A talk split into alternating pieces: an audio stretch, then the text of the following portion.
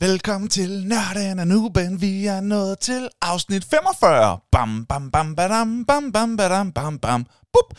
Velkommen til. Det her, det er Nørden og Nuben. Lige nu, der lytter du til Nubens stemme. Det er mig. Jeg hedder Patrick. Jeg er en kæmpe noob. Det må jeg erkende. Der er masser af ting, jeg ikke ved om diverse nørdede emner. Men heldigvis, så har vi jo altså selvfølgelig også en nørd her i podcasten, Nørden og Nuben, og han hedder Henrik. Det er en af mine bedste venner, og nu ringer vi til ham, så vi kan komme i gang med dagens afsnit.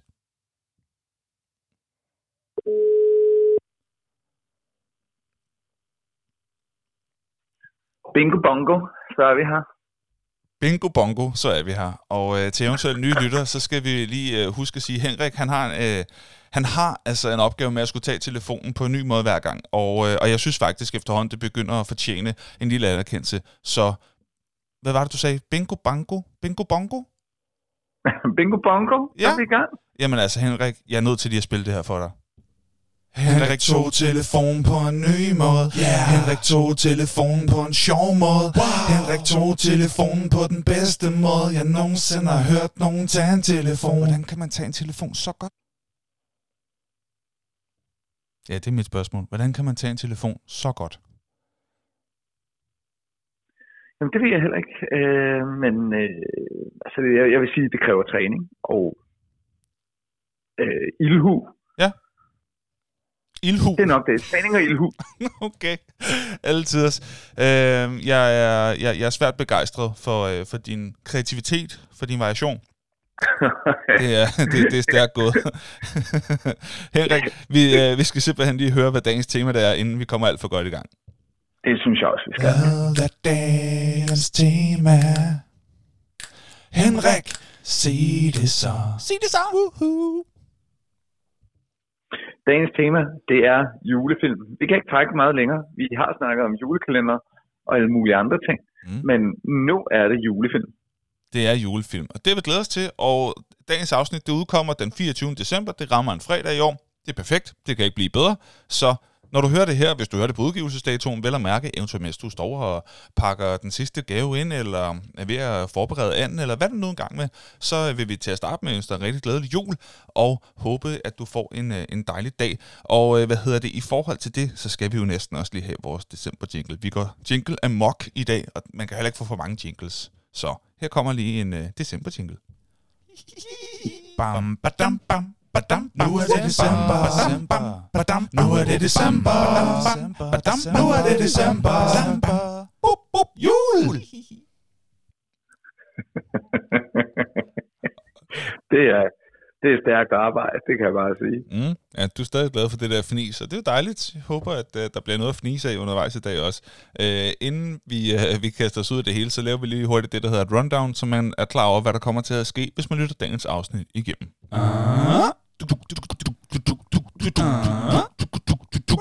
Rundown. Udover at vi lige har slået rekord for øh, flest jingles på kortest tid i vores egen podcast, så øh, er dagens rundown det her. Om lidt så går vi ind i det, der hedder Hvad så? Hvor vi bare lige hurtigt gennemgår af, hvad der skete siden sidst i vores eget liv. Er der sket noget nævneværdigt siden sidst?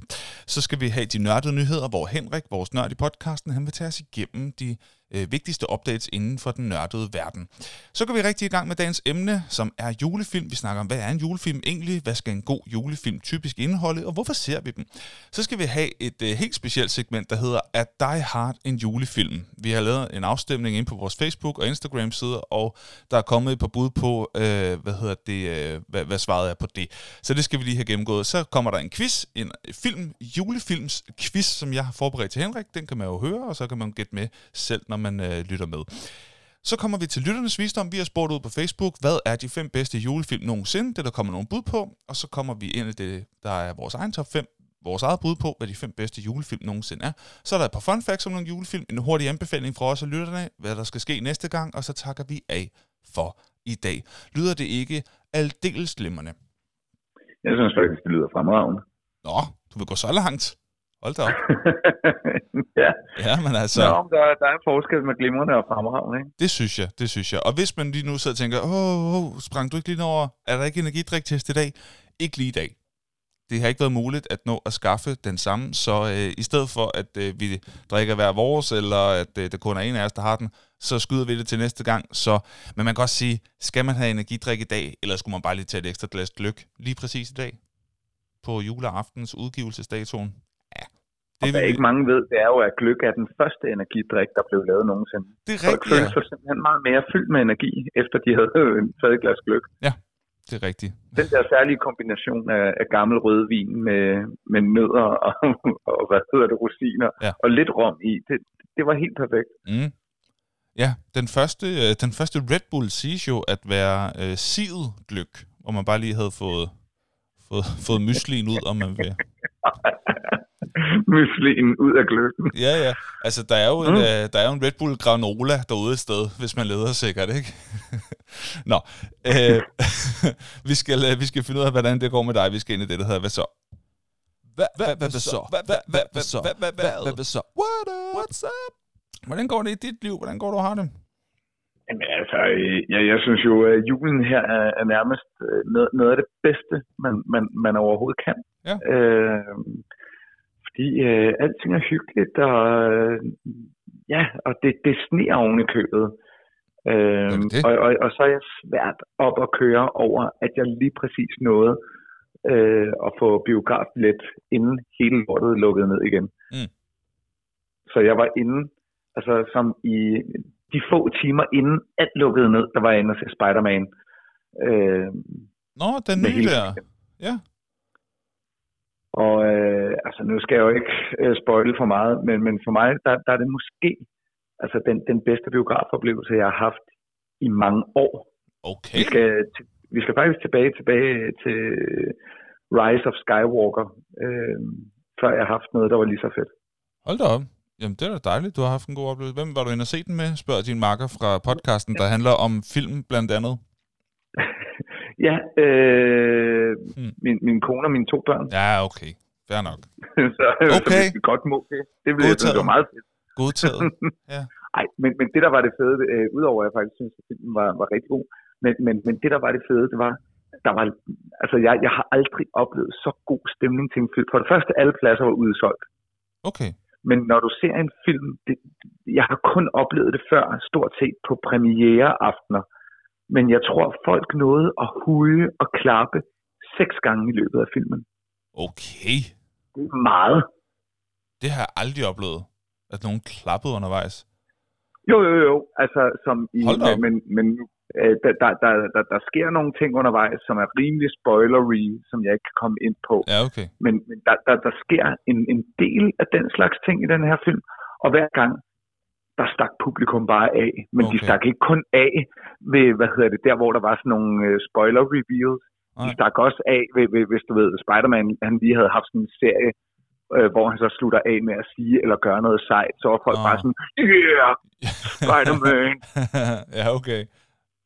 Og det, ved du hvad, det, det, det løfter, det vil jeg bare sige. Så kan selv en middelmådig film, hvilket jeg ikke mener, det var, Mm.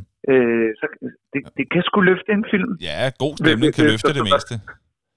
Sådan, hvis der sidder sådan 400 mennesker, der alle sammen, de bare Mm. psykopat klar til bare at få den fedeste aften. Tænk, hvis hver biograffilm var sådan, det vil jeg, åh, det vil jeg elske.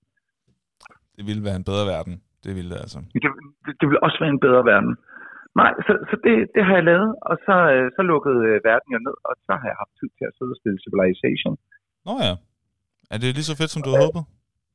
Ja, ja, ja, det er, øhm, det, det, er lige så, det er altid lige så godt, som jeg husker det. Mm. Og så er det ligesom, når man lægger Sudoku, så altså, jeg, jeg, jeg har haft nogle aftener, hvor jeg kiggede på uret, så var klokken sådan lidt i 12. Mm. Så næste gang jeg kiggede på uret, så var klokken kvart over tre, hvor jeg bare, jeg ja. ja. ikke nu. ja. Det, øh, jeg elsker den følelse, det, det, det er fuldstændig fantastisk. Så tilbage og spille uh, Civilization. Okay. Cool. Det var dejligt. Og så, øh, jeg tror, den sidste ting, det bliver simpelthen en anden, ah, jeg ved ikke, jeg kunne godt tage den på som anbefaling. Nu får du den her, fordi jeg har en anden anbefaling. Ja. Men det er, jeg har fundet ud af, at nu er du ikke gå i zoologisk have, ikke? Ja. og du stort set ikke kan gøre noget øh, i samfundet lige nu, som det er. Mm. Så har jeg fundet ud af noget, du godt kan, ikke? Ja. Du kan gå i plantorama. Plantorama. Plantorama er sådan... Øh, Jeg ved godt, Et kender godt butikken. Nå, okay, du kender godt butikken. Ja, ja. Men, men det, det er jo en form for mini-zoologisk have. Nå, der er jo nogle dyr. Så der var jeg, jeg, jeg var i Plantorama i går, så kommer min datter til mig og spørger, skal vi ikke tage Plantorama? Jeg sådan, ja, skal vi der? Hvad, hvad vil du købe? Jamen, hun vil egentlig ikke købe noget. Hun vil bare gerne i Plantorama, fordi hun godt kunne lide at være der. Okay. Så, Så tager vi i Plantorama, ja, og så kigger vi på kaniner og øh, skildpadder ja, og øh, reptiler hyggeligt. og slanger. Okay. Og så ja. kigger hun selvfølgelig også på indretningssnips og går sådan lidt og snakker om, Ja, at ja. hun gerne vil indrette sit værelse på en ny måde. Mm. Og jeg købte øh, et par lakridser på tilbud, som Chili Claus har proppet chili i. Ej, hvor sindssygt. Var de på tilbud? Hvad sparede du? Jeg, jeg sparede 75 procent, så de kostede kun 15 kroner. Hvilket betyder, 75 procent?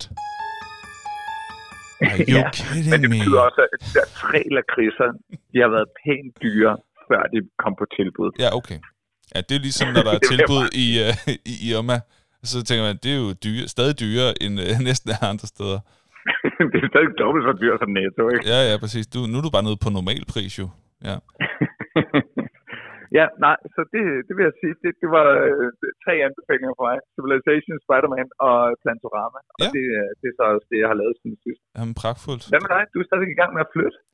Jamen altså, vi flytter først til februar næste år, men det vi er i gang med, Det er nu forberedelserne er i gang. Ikke? Ja, forberedelserne er bestemt i gang. Jeg sad med Mathilde øh, indtil klokken, jeg tror klokken var kvart over to, da vi gik i seng, øh, efter vi bare havde siddet og snakket hvordan vi indretter soveværelset. Fordi der er nogle ting, der skal gå op med nogle mål og noget skab, og, og en væg, der er, der er lidt skæv og sådan nogle ting, så, eller der har en anden vinkel. Så det er, sådan, øh, det er ikke sådan et helt uh, ret vinklet, firkantet rum. Så der er sådan lidt forskellige ting, man skal tage i overvejelserne, og vi vil gerne, du ved, have det til at... Altså, det kunne være fint, hvis man ikke skulle lave det om 13 gange, når man er flyttet ind, ikke? Så, Mm. ja. så det, det er meget det, tiden er gået med. skidesur, ikke? Ja, ja, det, det, ja, så det er meget det, tiden er gået med, at få, få tænkt indretningen igennem, øh, og vi skal have sat nogle vægge op og sådan. Så der er sådan lidt, øh, og, og, og det der tit er med sådan et projekt, det er lidt ligesom, når man, når, når, når man kan købe nogle nye sko, og så kunne det være fedt, hvis der var nogle bukser, der matchede, og så skulle man måske have en bluse, der passede til de bukser, du ved. Eller hvis man, øh, hvis man har et spil, så er det meget fedt at lige have udvidelsespakken til, men så skal man tænke på, at man også skal bruge nogle coins fra, fra, til det der, og sådan. Så det, det, er, en ting afler hele tiden en ny beslutning, og så, så skal man backtracke helt tilbage fra, fra den første beslutning, og så skal man sige, mm, vil vi så det? Vi kunne også gøre noget andet, og så er det bare en ny række af dominobrikker, der skal, der skal falde i hak. Så det er, Så er det godt, du begyndte at spille skak, ikke? jo, præcis, præcis. Faktisk i forhold til det, de sidste par kampe er altså gået ret godt. Øhm, der har jeg efterfølgende, altså efter at have vundet en kamp, har jeg tænkt, hvor mange træk tænkte jeg lige frem der? Så går jeg tilbage og tæller, sådan, altså hvornår så jeg den her mat komme til at ske, hvis altså modstanderen gjorde, som jeg forventede og håbede. Okay, jeg har prøvet nu at, at tænke syv træk frem til en mat. Det er nyt for mig. Ja, det, det, det er jo så syv dobbelttræk, så det er 14 træk, eller hvad? Var, nej, altså, jeg rykker, han rykker. Jeg rykker. Nå, okay, okay, okay. Tro, trods alt ikke. trods alt ikke. Eller hvad? Nå, Jo, jo, jo, jo, jo, det er sgu da rigtigt. Nej, nej, det er rigtigt nok. Dobbelt, jo, så har det været. Holy moly. Så er du sådan en form for geni, eller sådan noget? Det vil jeg faktisk mene. Er det ikke der, man er? Magnus Carlsen sagde du sidste gang, at han ville kun øh, stille op til VM igen, hvis han mødte en værdig modstander. Det kan være, at vi skal prøve at finde nogle kontaktoplysninger på ham og sige, at der sidder en contender i Valby. ja, prøv at høre. Det, det, det er altså Patrick Larsen næste gang. Ja, Carlson versus Larsen. Det kan noget. Det er meget skandinavisk, ikke? Jo, det er det, det, er det. Ja. Øh, det vil også være noget overraskende. det vil være meget, det vil være det skakkens rocky film på en eller anden måde. Med meget usandsynlig Generelt er der jo modstander. ikke meget, der ryster skakverden, men lige den her tror jeg godt kunne... Og, og, men jeg vil sige, altså hvis Magnus er klar, så skal jeg gerne stille op, så skal vi se, hvor mange træk jeg kan holde til, før han ja. Ja. hammer mat. Det kunne være sjovt at se, om man kunne komme videre end fem, ikke? Nå, øh, vi, øh, vi skal også til at i gang med, inden vi sådan rigtig kaster os øh, ud i de nørdede nyheder, så skal vi jo lige forbi det her.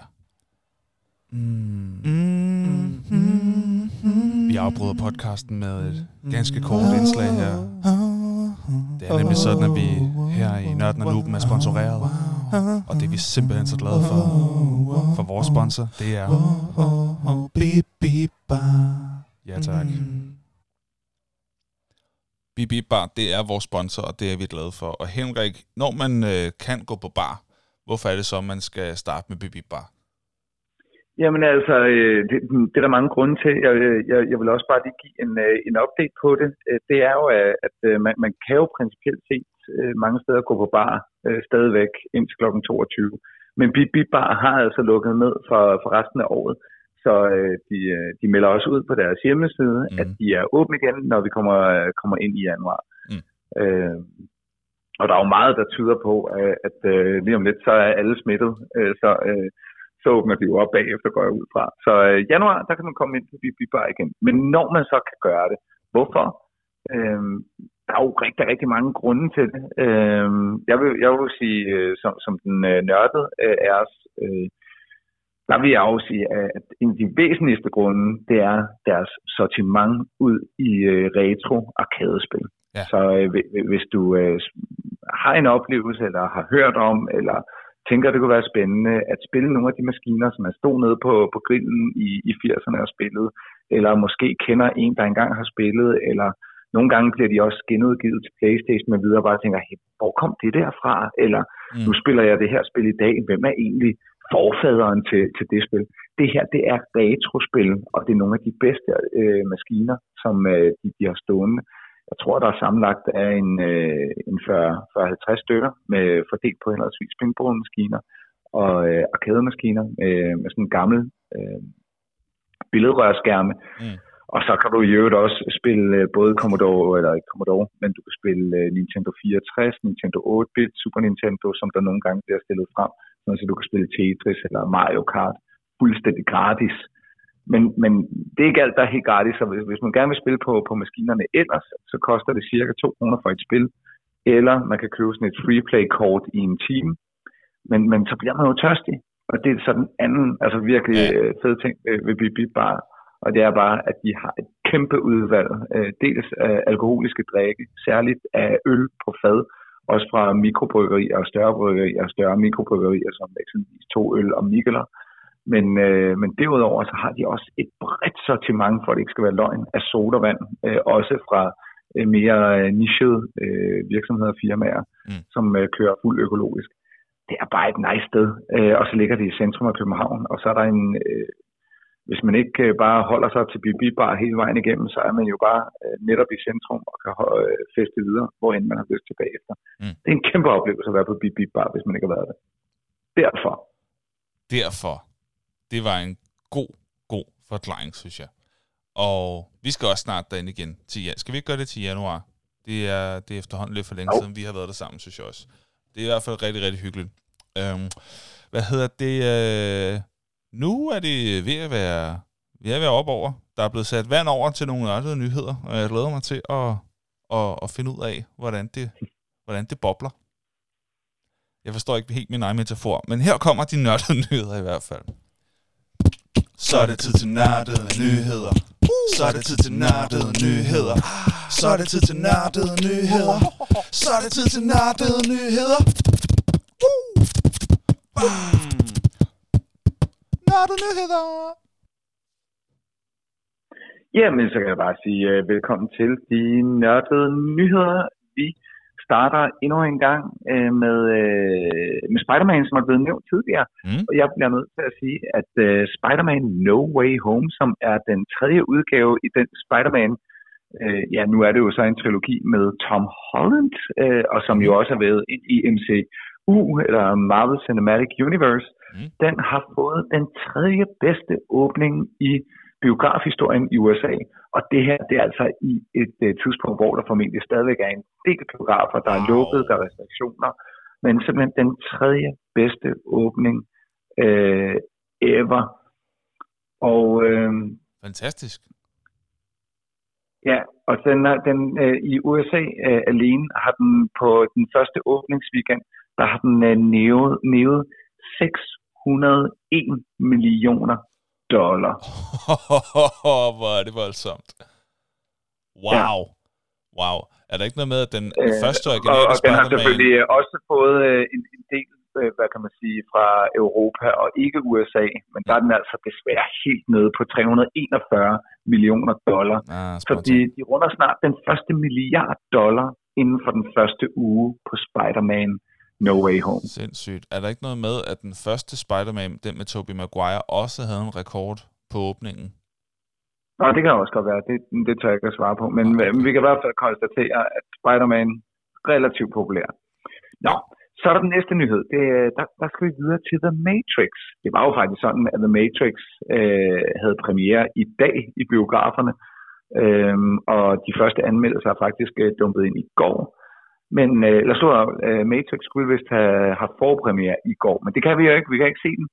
Men det kan man godt i, i USA, så der er, de første anmeldelser er kommet ind af Matrix. Øh, de er blandet med, desværre hælder de lidt til den dårlige side.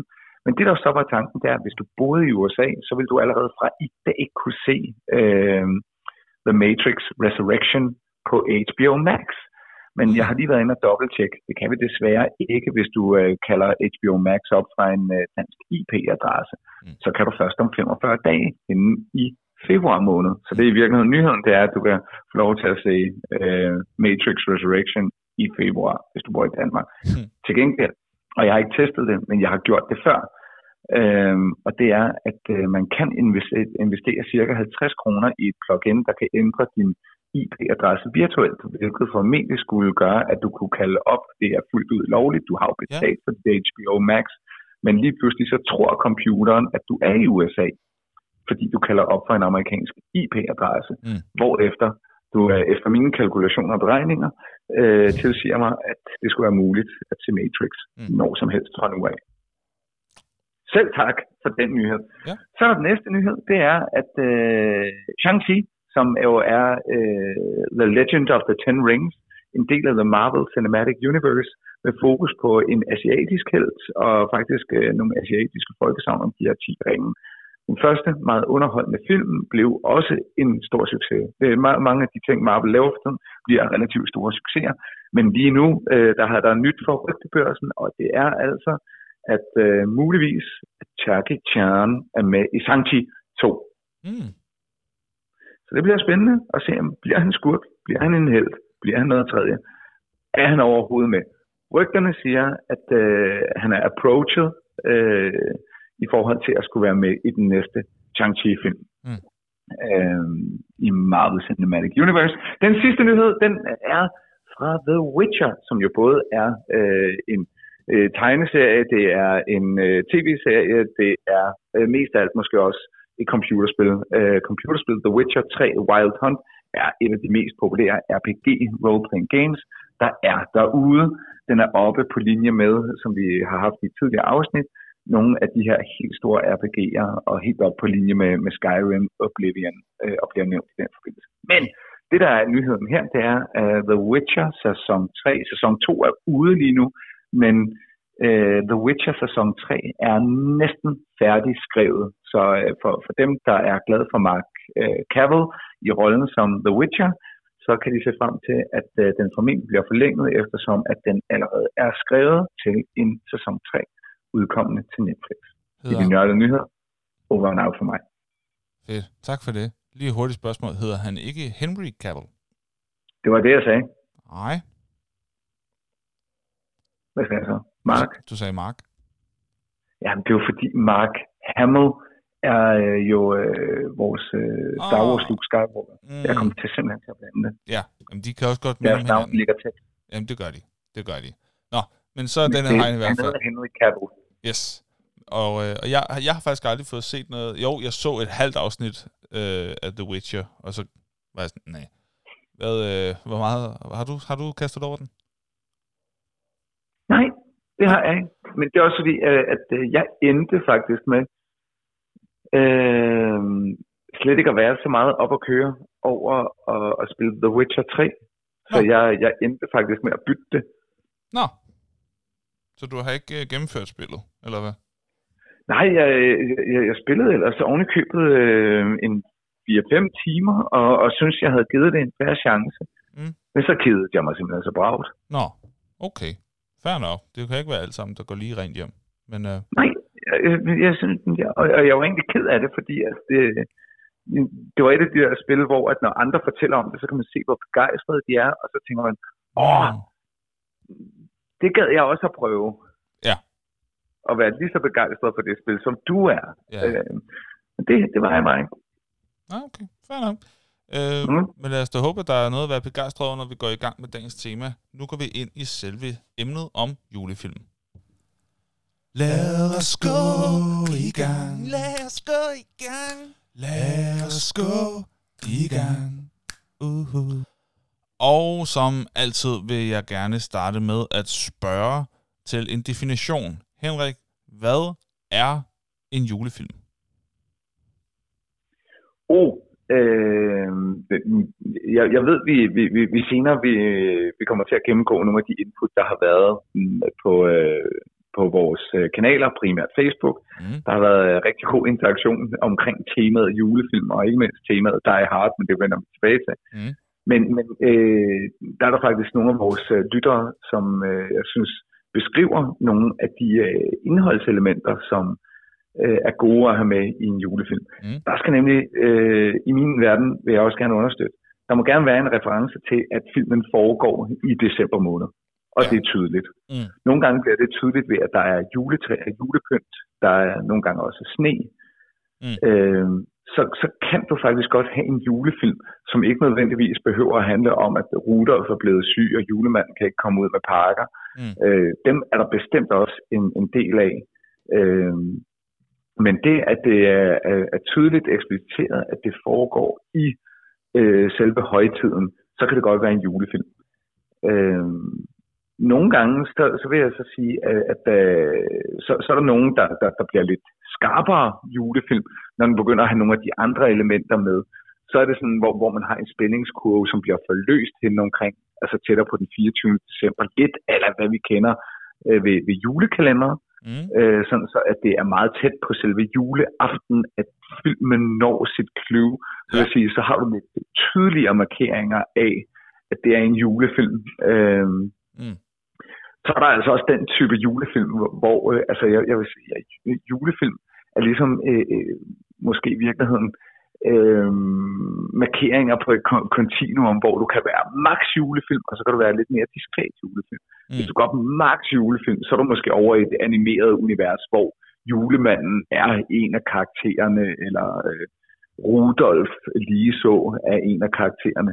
Mm. Øh, så kan man sige, nu har vi sat noget med gang i en jule julefilm, en 10'er på skalaen, ikke? hvor at Die Hard øh, er jo mest af alt en actionfilm med nogle terrorister, men jo også en julefilm.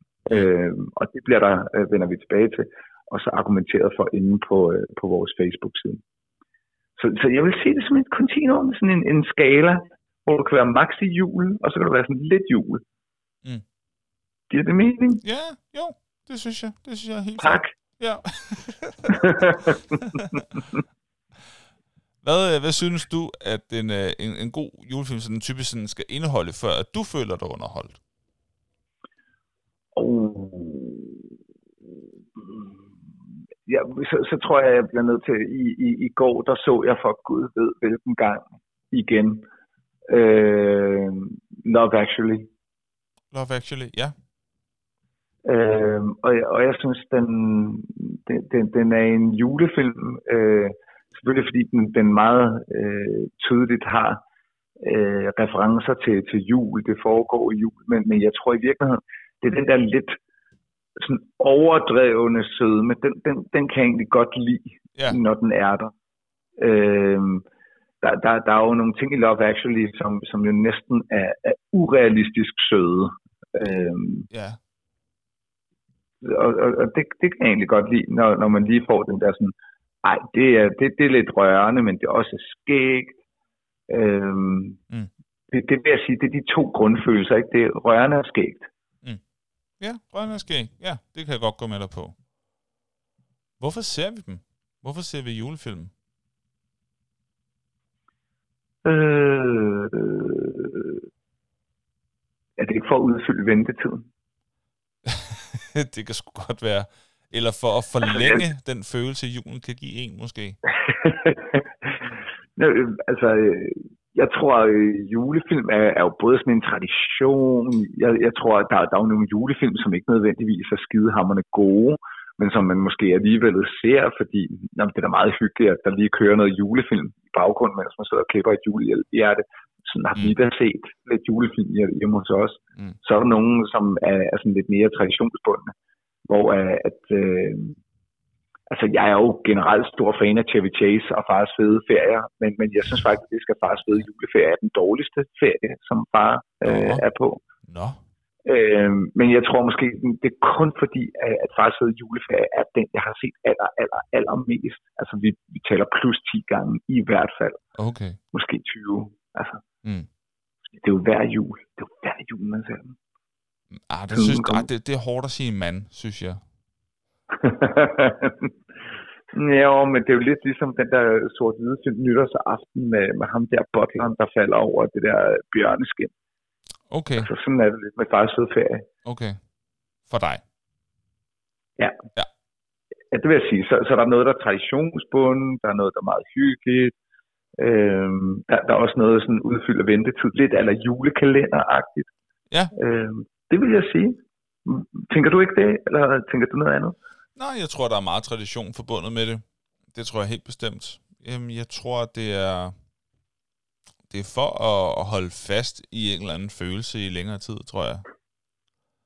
Fordi der, der er den der sødme og, øh, og rørende, øh, eller der, der er de, de elementer i. Det tror jeg bestemt kan, kan, kan have noget med det at gøre. Og det, mm. det, det er ofte nogle rimelig sådan lette film. Det, det er sjældent sådan de helt tunge emner, der kommer op der, ikke? Det er, det er typisk noget, noget meget øh, happy-go-lucky ting, og, og meget nemt at forholde sig til, så man skal ikke have sådan de, de tunge, øh, dybe følelser øh, rusket i. Så de er sådan rimelig safe at sætte på, og så skal vi nok hygge os. Jeg tror, det, det er derfor. Ja. Og det, er sådan, og det skal jo typisk være noget, som samler en familie. Det duer jo ikke, hvis det kun er, er, er 2%, der synes, det er interessant. Mm. Ja. Men, øh, men, men det bringer mig lidt videre til, øh, til spørgsmålet, vi har stillet derude, om, øh, om Die Hard er en julefilm, fordi... Øj, hold op. Fik jeg lige sparket til noget blik. Øh, der har lige en skraldspand der. Øhm, øh, jeg, jeg, jeg, hvad hedder det? Vi, vi har spurgt derude på, på Facebook, om Die Hard er en julefilm, og, øh, og det betyder, at vi skal, øh, vi skal lige høre, hvad, hvad folk har, har svaret, og til det har vi selvfølgelig til øh, lejligheden en, øh, en dertil hørende øh, Die Hard. Er det en julefilm jingle? Vi har et spørgsmål til dig. Yep. For Henrik han har undret sig, og jeg har også gået og undret mig, at Die Hard en julefilm eller ej. Altså, hvad er svaret på det spørgsmål? Ja, hvad er svaret på det spørgsmål? Det skal vi altså have fundet ud af. Til at starte med, så kan vi jo sige, at vi har lavet en afstemning, øh, hvor man kunne svare ja eller nej, og, og svaret er blevet sådan rimelig entydigt, øh, fordi øh, 100% har sagt ja, det er en julefilm, og, og, og 0% har sagt nej øh, inde på, øh, på Facebook. På Instagram, der, øh, der har vi øh, en lidt anden opgørelse. Der har øh, 93% sagt ja, og så øh, 7% sagt nej. Men det betyder altså, at der er, der er kun én, der har sagt nej. Og der er jeg simpelthen nødt til lige at høre, øh, din far hedder Ole, gør han ikke det? Jo, Jo. Det er den eneste person, som har sagt nej på øh, Facebook og Instagram til sammen. Så der er, jeg ved, er, er det noget, du vidste om, øh, om din far? At han mener ikke, at det er en julefilm. Som den eneste i øvrigt af, af alle, vi har spurgt, eller i hvert fald alle, der har deltaget. det, det er sjovt, fordi øh, jeg, jeg tror ikke rigtig, at min far han, han øh, virkelig går op i, øh, i sociale medier, skråstrej Instagram, men, men det, det er fedt nok, at det her spørgsmål har nu åbenbart fået, Ja. fået ham op af stolen til at sige, Lige slå i bordet. nej, Nej, det, det bliver bare et nej herfra. ja, det er det ikke. Okay, men det vidste jeg tænkte om, det måske var en, øh, en debat, I har haft før øh, ved juletid. Nej, øh, Nej, okay. det, det, er, det, det er lige så overraskende for, for mig. Ja, okay. Øh, nok. Men bortset fra, øh, fra nørdens egen far, så vil alle mene, at Die Hard, det er en julefilm. alle. alle. Jeg skal selvfølgelig også lige høre, om det er noget, øh, der ligesom er en, en holdning, der er gået i arv, om det er sådan, øh, som far som søn. Altså, hvad synes du? Er dig har den julefilm? Nej, nej, nej. Øh, men, men jeg, jeg får ikke at, øh, at ødelægge den, så, så var jeg jo, øh, jeg, jeg var selv inde lige og, og bare like opslaget, fordi jeg synes, det var så godt et opslag. Mm. Øh, men, men, men jeg gav ikke min holdning til kende. Men min holdning er nu den, øh, at øh, jeg mener bestemt, det er en julefilm. Mm. Okay. Hvorfor Og synes jeg du, det er en julefilm? øh, jamen, ved du hvad, jeg, jeg, jeg, jeg har bare fundet ud af, at jeg kan ikke argumentere øh, lige så tydeligt, som øh, Rasmus gør på øh, Facebook. Så jeg vil bare... Jeg, jeg, vil bare Vi kan sagtens tage Rasmus' øh, bud. jeg, jeg, jeg vil faktisk tilslutte mig, hvad, hvad Rasmus siger, som jo er en af vores faste lyttere, og, øh, og som bidrager med, med sine indsigter, øh, både på film og spil. Skal jeg ikke lige Men, læse den øh, op så? Fordi så tager du øh, lytternes visdom Ja, bagefter. så, så, så du må gerne læse den. Du må gerne Okay. læse.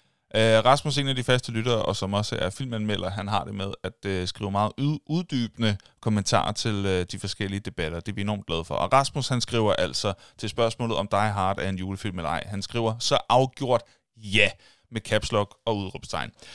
For uden at filmen foregår under en julefest for et firma, så er der flere referencer til højtiden undervejs. Eksempelvis ønsker flere karakterer hinanden en glædelig jul, men der er også andre små referencer undervejs. Heriblandt en diskret en af, slags, øh, en af den slags, øh, så som at John McClanes kone hedder Holly, men derudover nævnes julen flere gange, så som da Hans Gruber siger, It's Christmas, Theo, it's the time for miracles. Samt den klassiske replik skrevet på en afdød skurk, Now I have a machine gun. Ho, ho, ho. Mens den førnævnte skurk har en nissehue på. Foruden disse eksempler er der også julesange med på soundtracket, så som Run øh, DMC-sangen Christmas in Hollies og Frank Sinatras udgave af Let It Snow, plus at uh, McLean han fløjter Jingle Bells ved sin ankomst. Til slut er der også en redemption arc for John McClane i forhold til Holly, ligesom der også er en redemption arc i andre klassiske julehistorier, såsom for Grinchen i How the Grinch Stole Christmas og for Ebenezer Scrooge i et juleeventyr.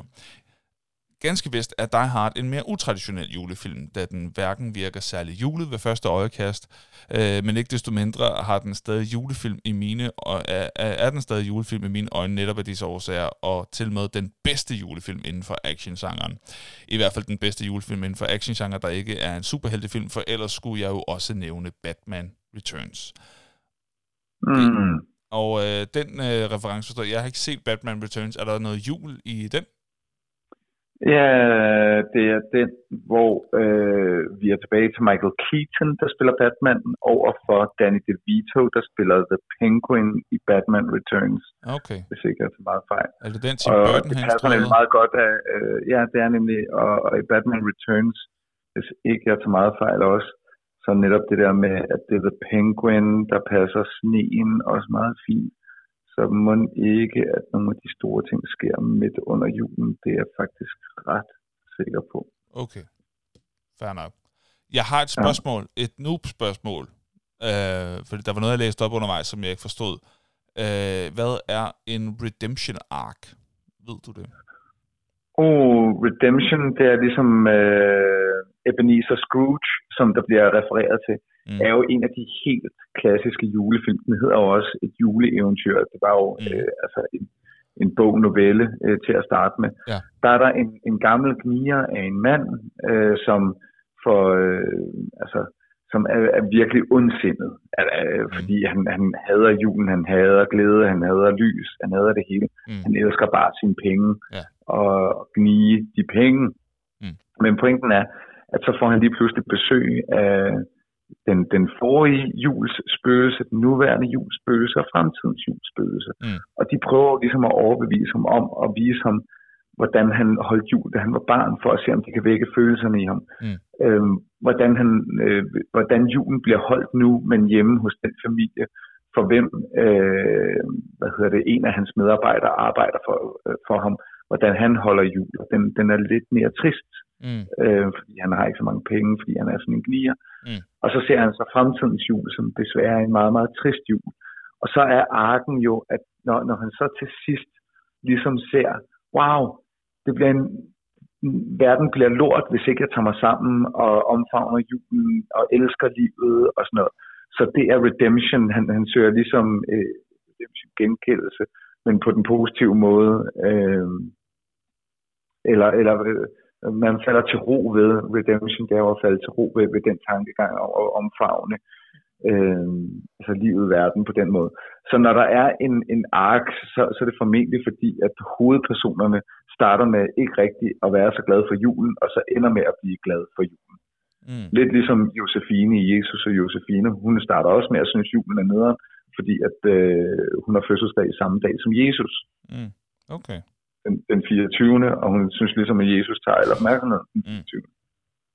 Og så prøver hun jo så i Jesus og Josefine og synes, det er pænt nederen, men ender jo så med at være glad for julen. Det, det tror jeg er en lidt længere forklaring på, hvad, hvad kunne et redemption arc være. Ja, okay. Uden at, at jeg lige kan finde den direkte oversættelse af redemption. Fair nok. Fair nok. Okay. Øhm, altså, jeg vil sige, øh, jeg mener også, at Die Hard er en julefilm, fordi den foregår i julen, og der er jo ikke nogen, der siger, at en julefilm kun skal være hyggelig. Øh, så jeg, jeg synes bestemt, at den har mange øh, julede elementer med. Så, øh, så for mig er det bestemt også en julefilm. Øh, så det er sådan rimelig tydeligt, at øh, i hvert fald alle på nærlig en enkelt, øh, synes, at øh, Die Hard det, det er en julefilm. Jeg ved ikke, om, øh, om studiet selv vil sige det i en julefilm, om øh, Bruce Willis selv vil sige det. Det kan godt være, at han er blevet spurgt. Det er han sikkert blevet spurgt om. Det har jeg ærligt talt ikke lige undersøgt. Ved du det, om, øh, om han selv nogensinde har sagt det? Nej, men det vil jeg nærmest øh, ved hele butikken på, at øh, han, han er. Mm. Okay. Men, men det, øh, det, det, det, det, det, det må være op til, øh, til folk at, at, at finde ud af øhm, om Bruce Willis har nogensinde har det. Hvis han har det, så må jeg gerne lige skrive. Det kunne være meget sjovt lige at finde ud af. Nå, men Henrik, nu er det tid til en julefilms-quiz. Er du klar på quizzen? Jeps. Fedt. Så kommer der en kiss-single. Så er der quiz. Så er der quiz. Så er der quiz. Så er der quiz. Så er der quiz, quiz, quiz, quiz, quiz. Og det er en klassisk IMDb-quiz. Jeg har været inde på IMDb og fundet tre julefilm og har fået skrevet ned, hvad for nogle karakterer de har fået derinde af brugerne. Det, der bliver Henriks opgave lige om lidt, det er at forsøge at gætte sig frem til, hvordan rækkefølgen er i forhold til, hvad for en af de tre, der har den højeste rating, hvad for en af dem, der er nummer to, og hvad for en, der har den laveste rating af de tre film, som jeg kommer til at nævne lige om lidt. Og bagefter se, om han kan gætte den eksakte rating på de øh, tre film hver især. Og som altid, så nævner jeg øh, filmene i den rækkefølge i forhold til øh, udgivelsesåret.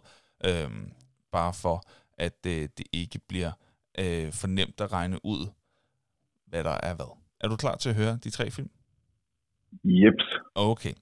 Fra 1992, Alene Hjemme 2. Fra 2003, Love Actually. Og fra 2009, Julefrokosten altså den danske film Julefrokosten. Så Alene hjemme 2, Love Actually og Julefrokosten. Lad os høre dine tanker. Hvad tænker du? Øh, julefrokosten må have fået B-anmeldelser, så den må ligge i bunden. Ellers er der ingen retfærdighed til. Har du set den? Øh, nej, Hvordan men jeg husker det fordi øh, den, den, den kører med, med, med noget af det, det, det samme skuespil setup, som har lavet andre sådan øh, lidt B-agtige komediefilm, øh, som jeg har prøvet at se. Sådan noget øh, øh, Klassefesten, Alle for En. Kender du dem? Ja. Alle for en. Dem har jeg ikke været helt pjattet med. Dem har jeg til gengæld set. Og så tænker jeg bare, julefrokosten, den lignede mere det samme. Og så husker jeg det også som om, at anmeldelserne, de danske anmeldelser, var pænt skidte. Okay. Det er sådan, jeg husker det. Fair nok.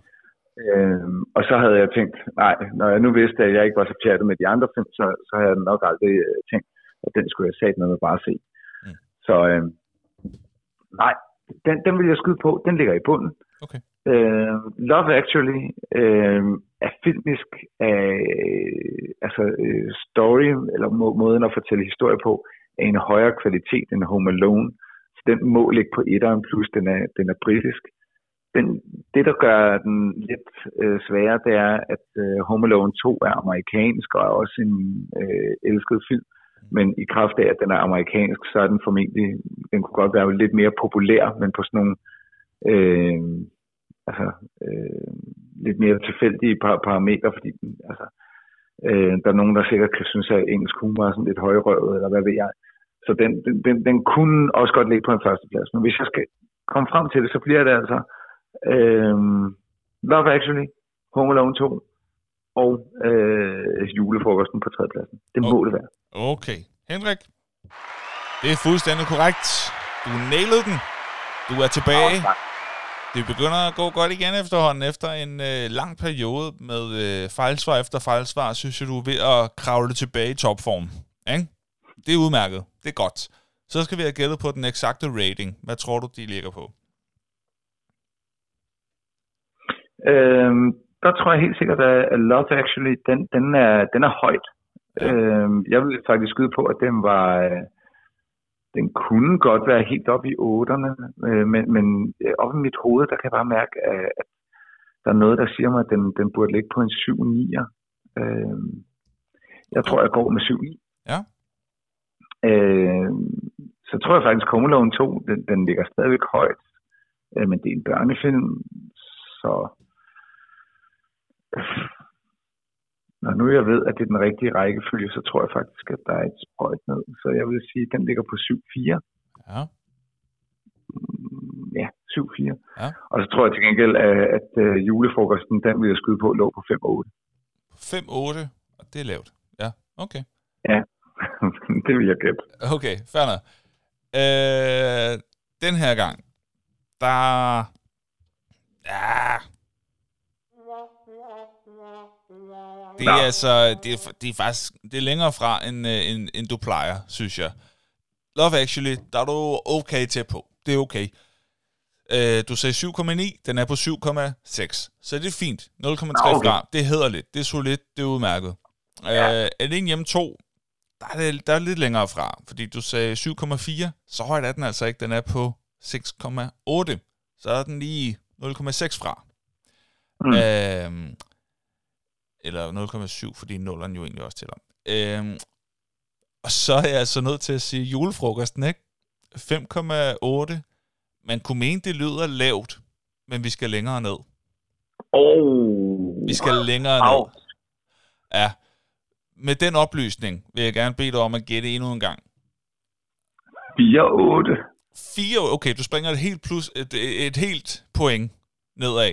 Ja. Øh, det skal du så gange med to, for den ligger på 3,8. Nej. Den ligger på 3,8. Au, Øj, det er en dårlig film. Aus. au, au, au, au, au. Altså, det går, det går ondt at kigge på. Det er, Ej. det er altså voldsomt. Det er den absolut klart med længder laveste score, vi har haft øh, i, øh, i quizzen. Jeg vidste ikke, at der var nogen film, der lå dernede og rød rundt.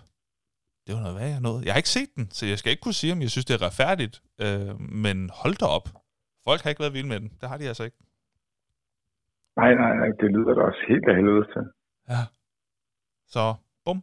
Så de rigtige ratings, altså Love Actually har 7,6, Home Alone 2 har øh, 6,8, og julefrokosten 3,8. Og Henrik, så skal vi ind i lytternes visdom. Vi har jo spurgt ud på Facebook, hvad folk synes er de fem bedste øh, julefilm nogensinde. Vil du ikke tage os igennem det en gang? Og du behøver ikke vente på en jingle, for den findes ikke. Nu skal jeg bare lige have den der. Jeg har lige haft med dig. Jeg har åbnet dem. Det er jo som om, jeg har åbnet dem. Godt, så kan jeg fortælle, at... Øh, nej, det var anbefalinger. Nu er vi nede ved den øh, rigtige her. Vi starter ud med øh, Annabelle, Yes. som øh, har på øh, femtepladsen Die Hard. Mm. Øh, på fjerdepladsen Muppets juleeventyr bygget over, hvad jeg talte om før. Det er Dickens øh, et juleeventyr. På tredjepladsen The Holiday. På Mhm. andenpladsen Alene Hjemme, og der var ud fra, det er Alene Hjemme 1. Ja. Og så en, jeg faktisk lige havde glemt. Bossen og Bumsen på Er førstepladsen. det den med Eddie Murphy?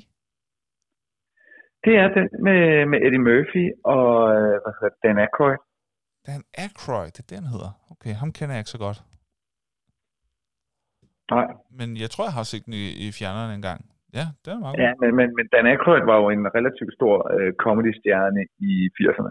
Nå, for fanden. Okay, det var også ham, der var den ene af skuespillerne i Blues Brothers, som mange elsker. Mm. Øh, og så havde øh, Annabelle også nogle øh, bobler med her. Øh, Alene hjemme 2, Mikkis juleeventyr. Øh, og så den gamle med, med Lille Per, den der hedder Far til 4 i byen fra 1956. Mm. Den er der flere, der øh, kommenterer på øh, herinde også. Så er øh, Jorma øh, er øh, på øh, fra, fra Sverige, øh, tror jeg, vi blev enige om sidste Yes. gang. Ja. Og simpelthen på med øh, filmen A Christmas Story fra 1983. Mm. Og mit bedste gæt er, at det er igen en øh, rendering af, hvad hedder det, det gamle Dickens eventyr. Øh, det vil Mm. jeg faktisk øh, Det er godt ret kraftigt på. A Christmas Story. Ja, det kunne være et bud. Ellers så må Jorma simpelthen rette, rette os. Jeg, jeg kender den ikke, Mm. så, øh, men, men øh, Jorma kommer bare med en enkelt der. Så kommer til gengæld øh, Simon, som vandt øh, sidste uges øh, konkurrence Ja. Øh, om, øh, hvad hedder det, to øh, fadøl og øh, to gange en times øh, free play på Bip Bar. Han siger simpelthen bare en enkelt film, og det er Annabelles juleønske. Og det er åbenbart noget med barndomsminder, og den ser de i, i familien hvert år siden øh, øh, han, har været lille. Så den, den skal man måske Den se. kendte jeg Annabelle. ikke. Kendte du den? Nej, det gjorde jeg ikke. Jeg tænker da, Øh, at vores lytter Annabelle måske også lige skulle tjekke den ud. ja, når nu man Nå, der, der, navn. jeg formoder, at der ikke er sådan voldsomt mange film, der har øh, Annabelle i titlen. Så det er da meget sjovt. Ikke mange, altså måske. Måske nogle stykker. Det, jo, jo, det tror jeg faktisk, du har ret i. Mm. Det, det er ikke mange. Så øh, Simon, Annabelles juleønske, øh, og så kommer Rasmus, som I, igen også lige fortjener en, en, en højtlæsning her. Mm. Så øh, Rasmus, ho, ho, glædelig jul til alle nørder og nuber. Her giver jeg mit personlige bud på en top 5 liste over julefilm som en julegave fra amatørfilmanmeldere. Mm. På femtepladsen er Christmas Story Der er den så. fra 1983. Nå, det er, det, det, det er den samme. Mm. En sand juleklassiker, der fortjener mere omtale i historien om et melankolsk tilbageblik for Ralphie Parker til sin barndom. En øh, barndom i 1940'ernes Indiana, da han som 9-årig prøver at overbevise sine forældre, sin lærer og julemanden om at give ham et luftgevær i julegave. Okay. Det var femtepladsen. Så er der fjerdepladsen. Fars fede juleferie fra 1989. Mm. Mm. Tit i mit voksne liv kan jeg godt blive stresset omkring juletid. Dog ikke nær så stresset som Clark Griswold, der stræber efter den perfekte familiejul, hvilket indebærer lyskæder, familiemiddag, juletræ og forhåbentlig en julebonus fra arbejdet. På tredjepladsen. Muppets Christmas Carol. Jeg er i forvejen en rigtig stor fan af Charles Dickens udødelige klassiker Et juleeventyr, og en af mine favoritversioner af historien er faktisk den med plysdyret, øh, med plysdukker. Øh, sjov nok er Muppet-karaktererne ret seriøse omkring kildematerialet, om end de stadigvæk kan joke med det. Og Michael Caine er ganske god til at være stoisk som afkølet kniger, mens han taler med dukker. Desuden også en markant film for mig personligt, både da det var den første version af historien, jeg så som barn, men også fordi den første film, der blev lavet efter Jim Hendersons død, er været hans minde. På, øh, for dem, der ikke ved det, Jim, øh, Jim Hensons øh, er ham, der opfandt alle The Muppets. Øh, bare lige en Nå, lille, det øh, vidste jeg ikke. tør Det var meget fint lige at- ja. Øh, Home Alone øh, fra 1990. Jeg tør næsten ved på, at denne film var en hver års fantasi om at være alene hjemme. Både hvor befriende det kan være, hvis man i forvejen er den overset, overset i en stor familie, men, meget, øh, man, men også hvor meget man kommer til at savne sin familie, uanset hvor meget de kan frustrere i.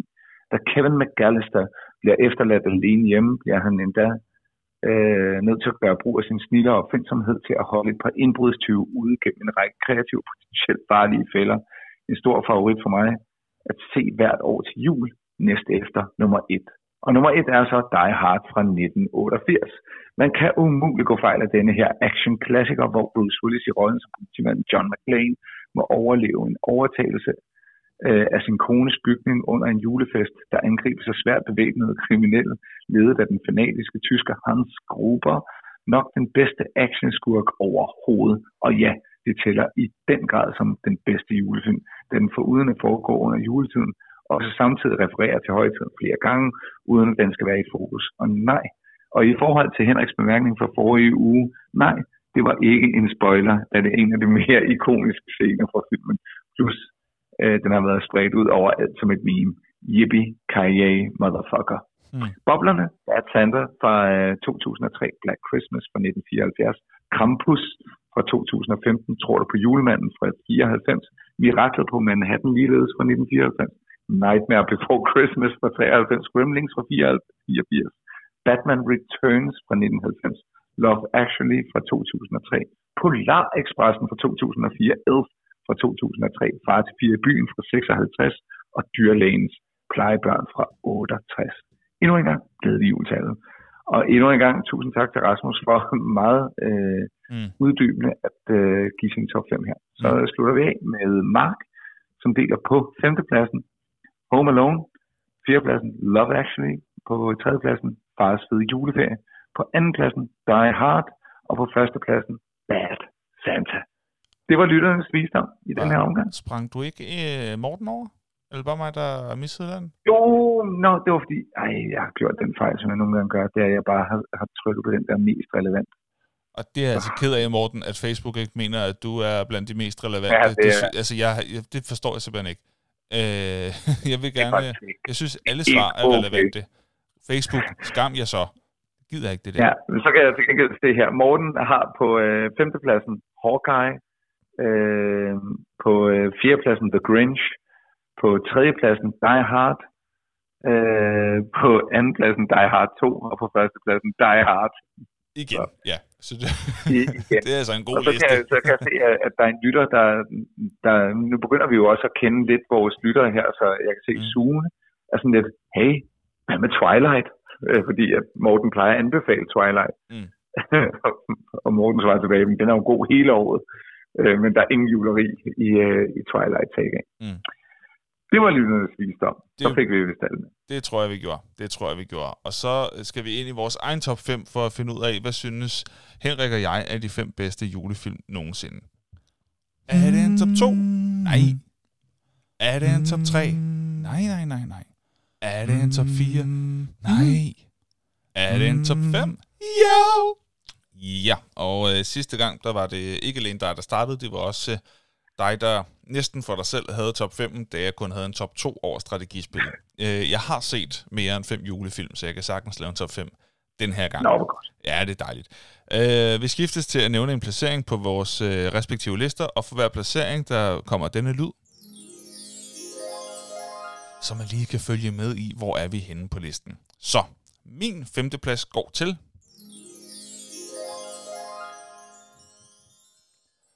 Mission Julegave. Og jeg undrer mig lidt over, at den ikke engang er på nogens boblerliste, at den ikke bliver nævnt af nogen overhovedet. Det er altså Arnold Schwarzenegger, der spiller en far, som har lovet sin søn at give ham et øh, specielt øh, stykke legetøj, sådan en actionfigur, men der er udsolgt, og så går det ellers løs for sig, og alt øh, går galt, og øh, der er en stor, stor, stor, øh, hvad hedder det, øh, stort, en form for øh, øh, storbys eventyr for at få skaffet den her julegave til sin søn, som han har lovet ham. En, øh, en meget sød familiekomedie, og det er jo altid skæg at se en, øh, en så stor fyr som Arnold Schwarzenegger, der, øh, der karter rundt og, øh, og er rigtig fjollet. Så jeg synes, den er hyggelig. Mission Julegave, den får altså en femteplads. Den skal med på listen. Hvad er din femteplads?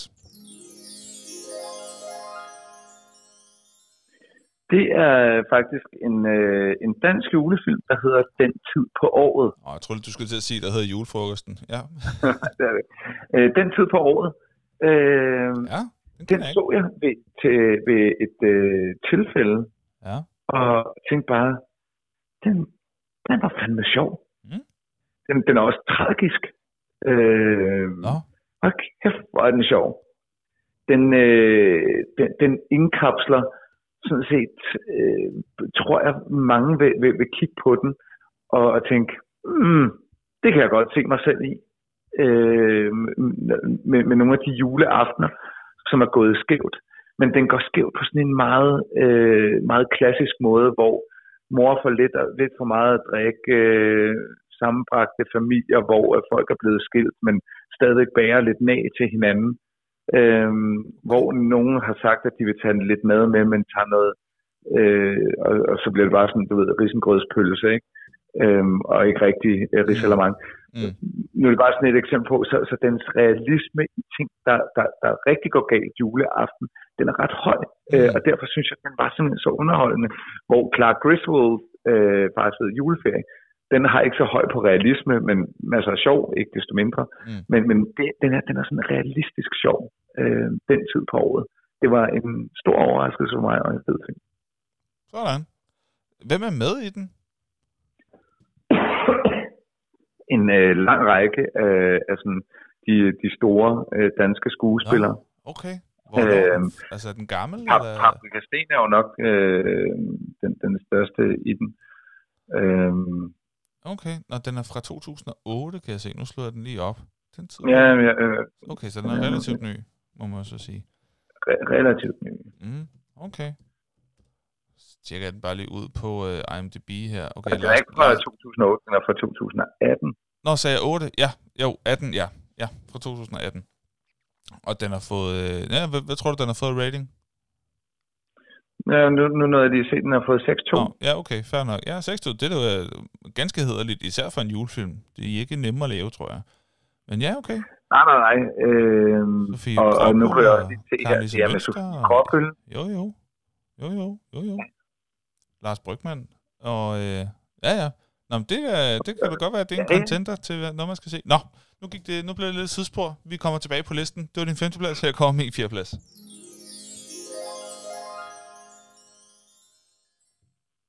Alene hjemme. Jeg synes, det er en hyggelig, hyggelig familiefilm, og jeg giver Rasmus helt ret i sin betragtning om, at det er et hver barns øh, drøm øh, at prøve at være alene hjemme. Øh, og så også at være sådan øh, helten på en eller anden måde, og overliste øh, de voksne og de onde, og på den måde øh, besejre det hele. Øh, det er en rigtig, rigtig hyggelig film, synes jeg. Og det er mange år siden, jeg har set den, men jeg kan stadig huske et par af scenerne sådan ganske, ganske fint. Og jeg synes, at skurkene, de gør det rigtig godt. De er gode til at være skurke på den der lidt uhyggelige, men også øh, ikke så uhyggelige, at man ikke tør at se filmen øh, som barn. Så den synes jeg er dejlig. Øh, alene hjemme, det er min fjerdeplads. Hvad er din fjerdeplads? Den, den, jeg, jeg mener, at den her film den er virkelig, virkelig fed. The Family Man The Family Man. med Nicolas Cage. Ja. Hvad er det for? Øh, jamen, den, den, den er jo i virkeligheden, jeg vil sige, den, den er stærkt inspireret af, af Charles Dickens et, øh, et jule, juleeventyr. Nå. Men du har øh, Nicolas Cage, der spiller den her sådan meget, meget rige øh, investerings øh, aktiehandler-type. Mm. Alt er fart på, alt er smart, sportsvogn, alt kører godt. Mm. Indtil det øjeblik, øh, altså hvor, hvor det nærmest sker sådan lidt magisk, han kommer i en situation, hvor, hvor der, øh, jeg tror han bliver hamret ned eller skudt, øh, kan jeg ikke lige huske helt præcis, Mm. fordi der sker sådan et overfald inde i en kiosk, hvor han er. Mm. Men det der så sker, det er, at han får øh, muligheden for øh, at se, hvordan hans liv havde været, hvis han ikke var blevet øh, altså børshej. Mm.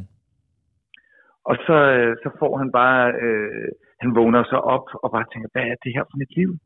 Øh, hvor, hvor, hvor er, hvorfor er, er, er hende min kæreste, hvor, hvor, hvor, hvorfor er, øh, ser hun så slidt ud og render rundt i pyjamas, hvor, hvor det, det var slet ikke mit liv, og, og hvem er de der børn? Og så finder han ud af, at det er hans eget liv, han, han nu er i, men med den bevidsthed om, at han, han var den, han var. Det er en monster, og, og så ender han jo selvfølgelig, apropos det der character arc, så øh, får man jo sådan en oplevelse af, at selvom man ikke har lige så mange penge, og de er fattige, og der er gylp og barnegråd, og, øh, Mm. og livet er i hvert fald meget anderledes, så er det måske endnu mere fantastisk, fordi der er en magi i det der med, med og, og, og så er der selvfølgelig sådan et clue, hvad, hvad sker der så til sidst? Mm. Var det her bare et indblik, han fik? Kan han lave om på det? Kan han komme tilbage? Altså, hvad, Mm. hvad sker der?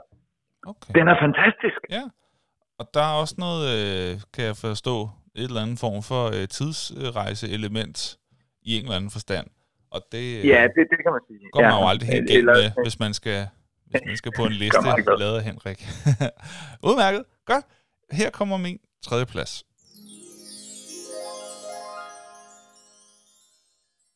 Love Actually. Jeg så den efter, at du nævnte den for noget tid siden under romantiske film, tror jeg, det har været.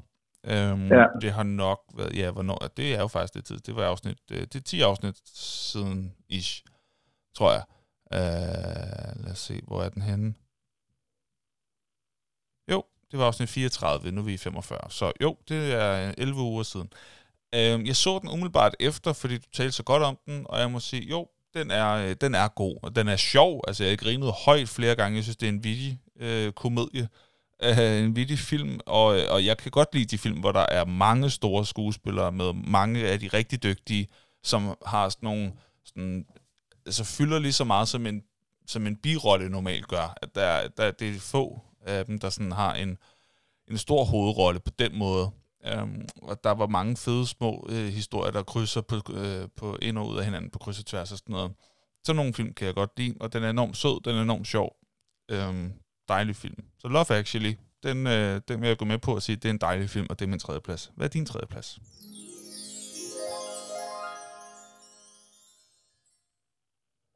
Min tredje plads, og så kommer den, Die Hard. Okay. Og øh, af, af de samme grunde, som, øh, som Rasmus var inde på, så vil jeg bare sige, det, det, det er en julefilm, og øh, jeg, jeg synes, den, den, den er faktisk både hyggelig, sjov og spændende. Den, øh, den har det hele. Så øh, jeg, jeg vil simpelthen ikke give, øh, give mere tid til dig har andet end at sige, den er på tredjepladsen. Bum. Sådan. Min anden plads, det er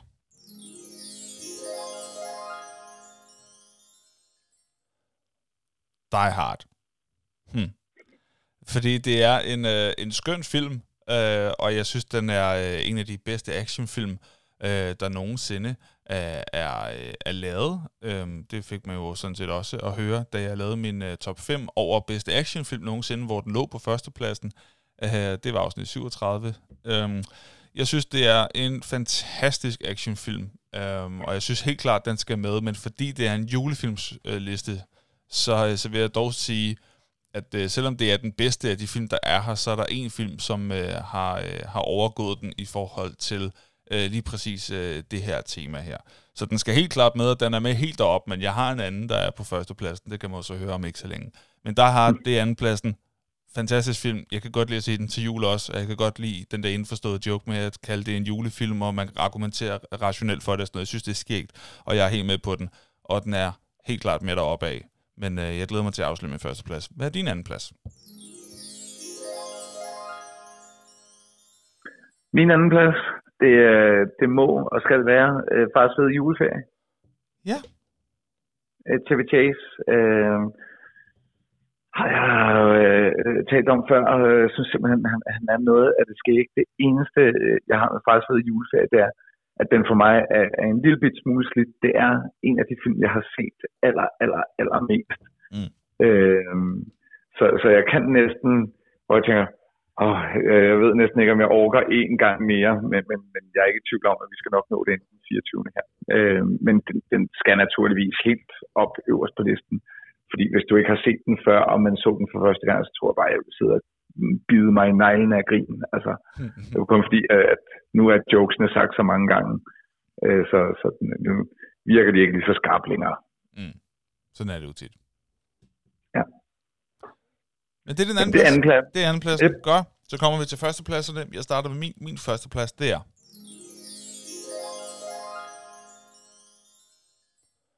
Klaus. Som er en animationsfilm, der ligger på Netflix. Og Klaus? Klaus, som er en animationsfilm. Øh, den ligger på Netflix. Den blev øh, Oscar nomineret for bedste animationsfilm. øh, for, øh, ja, hvornår har det? I 2020 har det været. Den er, den er ret ny. Øh, meget ny jo. Øh, det var Toy Story 4, der vandt, men den blev øh, altså nomineret til en Oscar for bedste animationsfilm. Det er en af de bedste animationsfilm, jeg nogensinde har set. Den er øh, sjov, den er vittig, den er rørende, den er, har en god fortælling, den er ikke kedelig på noget tidspunkt, og den øh, har et øh, rigtig, rigtig spændende øh, take på øh, baggrundshistorien for julemanden. Øhm, jeg vil ikke sige så meget andet, end at øh, det er en virkelig, virkelig god film, som altså, jeg kommer til at se mange gange til jul, tror jeg. Øhm, den, øh, det, den vil jeg virkelig anbefale, at man ser her i juledagene. Det kan godt være, at det, der er allerede fuldt program her, selve juleaftensdag, den 24. Men så se den, når, øh, når man har tid, enten øh, alene, det kan man sagtens, eller også så er det en, øh, en fin familiefilm også at se sammen med sin, sin, øh, sin familie, sin, sin partner, sin, sin børn, whatever. Se Claus, her i, uh, i juledagene, mens der stadig er noget julemagi tilbage her. Første juledag, anden juledag, hen over weekenden og sådan noget. Det, uh, det, det gør man altså ikke galt i by med. En fantastisk julefilm og en fantastisk animationsfilm, bare generelt en fantastisk film. Den er jeg altså helt pjattet med. Uh, Claus, Nå. og uh, det er min første plads. Hvad er din første plads? Ja, men nu, hos mig, der er der ikke nogen tvivl, øh, og nu så jeg den også i, igen i går, og det er Love Actually. Mm. Øh, det er simpelthen den, den mest sådan, sukkersøde øh, julefilm øh, i mine øjne på, på markedet. Mm. Den har både øh, sådan, nogle klassiske, ekstremt sjove scener. Øh, jeg elsker Hugh Grant. Alle er jo biroller i, i den film.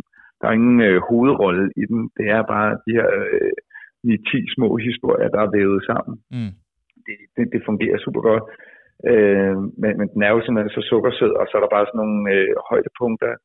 Der er både sådan den, den, den lidt triste, melankolske kærlighed øh, på, på, på øh, hende, der, der har en mand i øvrigt spillet af ham, der spiller Hans Gruber, Alan Rickman, som desværre er ja. død, øh, der har spillet Professor Snape, mm. som jo øh, på en måde er, er, er hans kone utro, og så hans kone finder så ud af det, og skal jo så afgøre, at min kærlighed så er også stor nok til, at den kan klare det her velvidende, at livet aldrig vil være lige så godt længere. Mm. Fordi nu er det ødelagt en lille smule. Mm.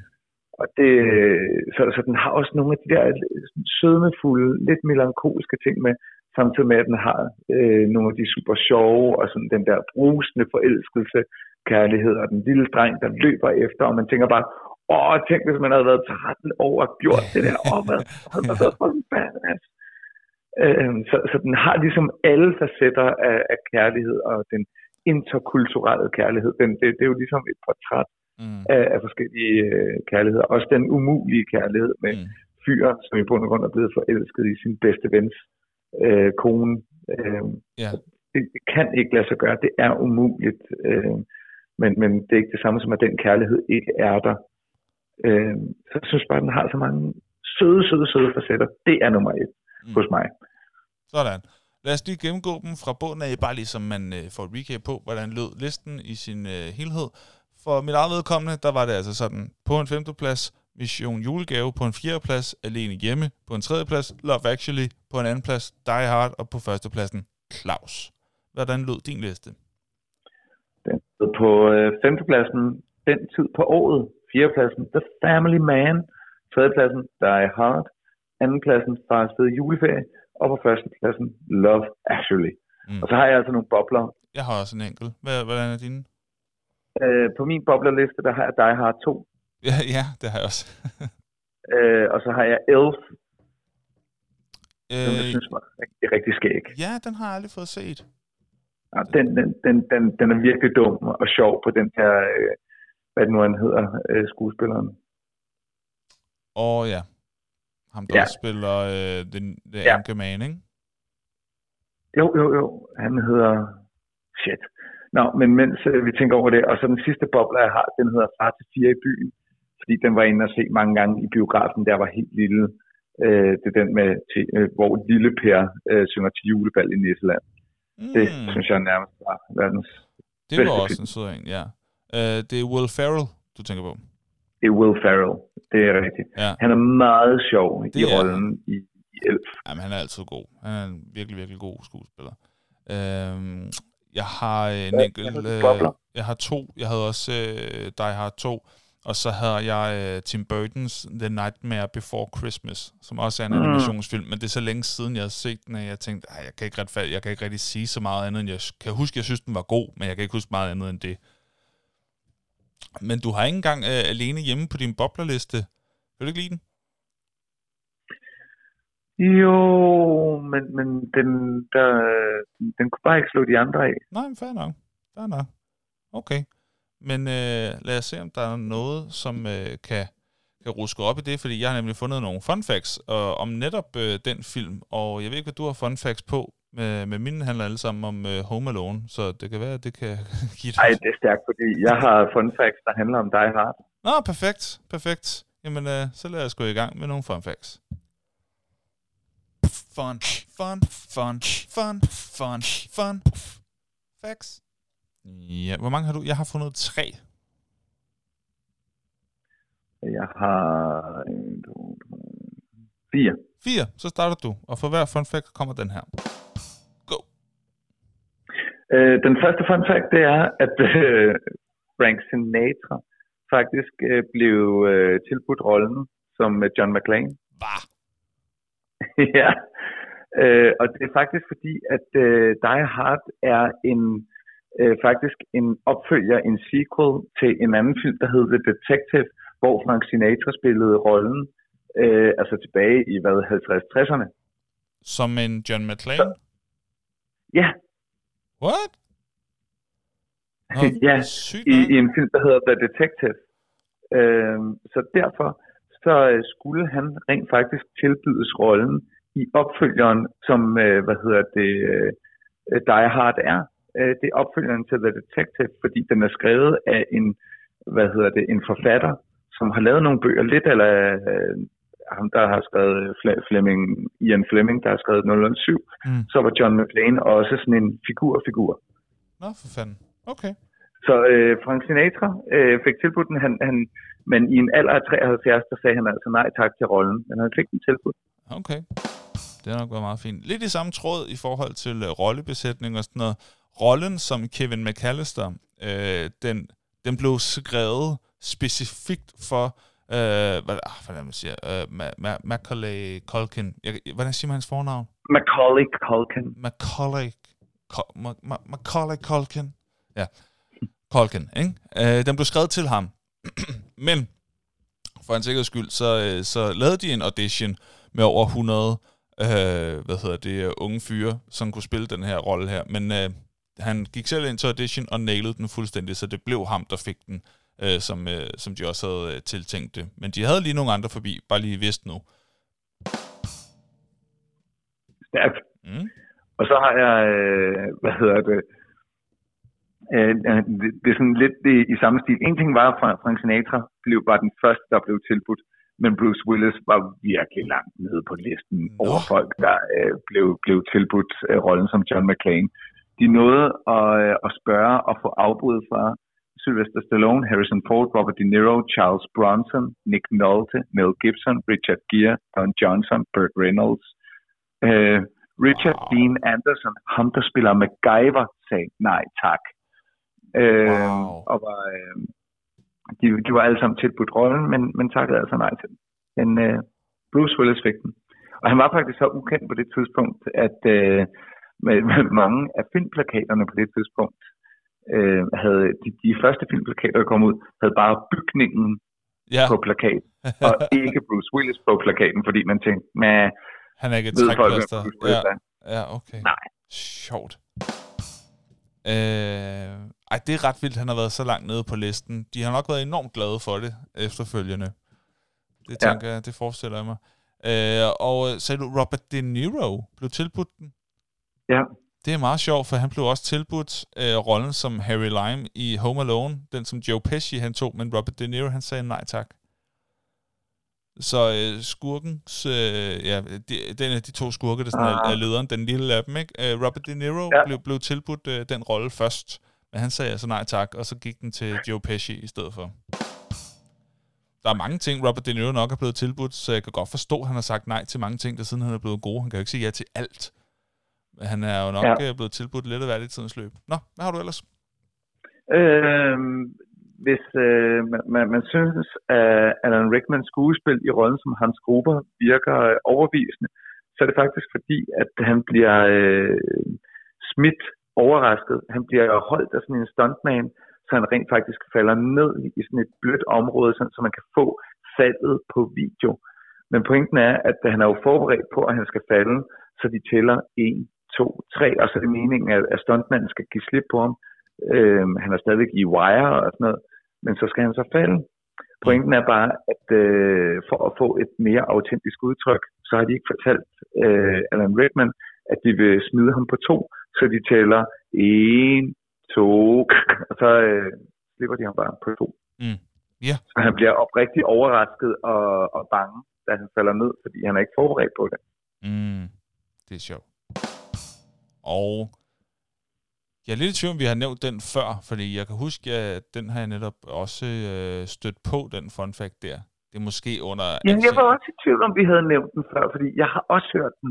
Ja. Spørgsmålet om jeg har hørt den i Nørden og Nuben. Ja, ja, du har jo nok kun hørt den live, kan man selvfølgelig sige.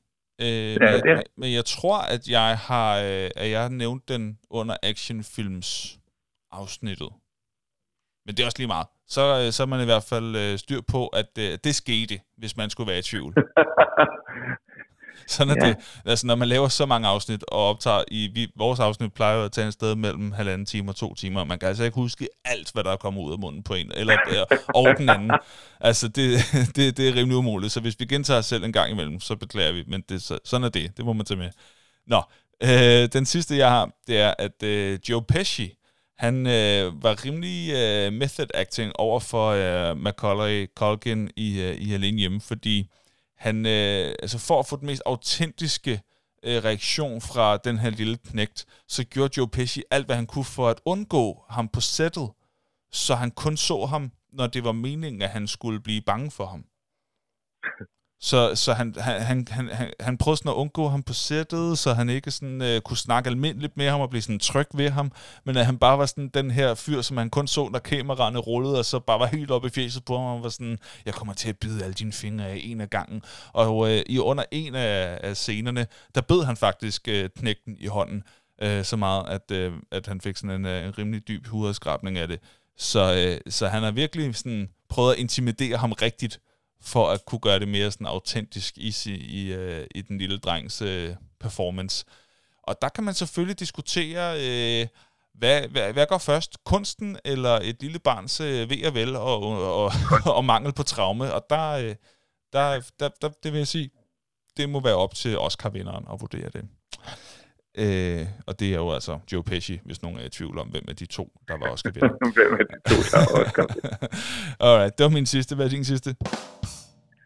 Øh, Den sidste, den er sådan set bare, at øh, Bruce Willis, øh, han har øh, han mistede stort set hørelsen på venstre øre under indspilningerne af Die Hard, blandt andet fordi instruktøren øh, John McTiernan, han insisterede på, at han godt ville have nogle ordentlige brag fra, øh, fra de øh, våben, som de, de brugte, der jo selvfølgelig skyder med, med blank, men skød med en ekstra krudtladning for, at øh, lydene fra våben skulle øh, være ekstra kraftfuld. Men det gjorde blandt andet, at Alan Rickman har, har de måttet filme væk, når han skød, fordi de lavede så meget larm, at øh, han fik sådan et overraskende ansigtsudtryk hver gang en øh, pistol blev skudt. Så derfor så måtte de panorere væk fra hans øh, ansigtsudtryk. Og det samme skete, da hvad hedder det, øh, en, en, en af skyderne går, går af tæt på øh, hvad hedder det, Bruce Willis. Der mister han altså to tredjedele af hørelsen på venstre øre. Det har han sagt for nylig i et uh, talkshow. Eller i et talkshow, ikke for nylig, tilbage i 2007 indrømmer han det her. Ja, okay. Fair nok. Og hvis man sidder og tænker, åh, hvor var det, jeg har hørt det før, så er det i afsnit 37 af Nørden og Nuben, hvor det fun fact blev bragt her første gang. Men endnu en gang, altså julen, det er jo traditionernes tid, så vi gentager tit øh, ting, som har været oppe før øh, på den måde. Ligesom man Ikke, nej, nej, øh, var det, har, har det også været oppe det med øret? Ja, nu, fordi nu fandt jeg lige det afsnit frem, og fandt mine, øh, mine noter frem til det. Jo, jo. Jo, jo. Jo, jo. Nej, hvor sjovt, begge dele. Ja, ej, det er meget fedt. Det synes jeg Ej, er det fedt. er meget mærkeligt, fordi jeg, jeg, jeg havde sådan en liste med 40 fakta. og så vi valgt to af det samme. Hvad hedder det? Jeg kunne have, jeg kunne have valgt 37 andre fun facts, og så vælger jeg alligevel to af dem, som jeg har hørt før, fordi jeg tænker, ej, det er gode fun facts. Jamen, vi har jo bare samme smag i fun facts. Altså, øh, det, Mm. mm, ja, ja, det smager godt. Vi håber, I kunne lide smagen derude også.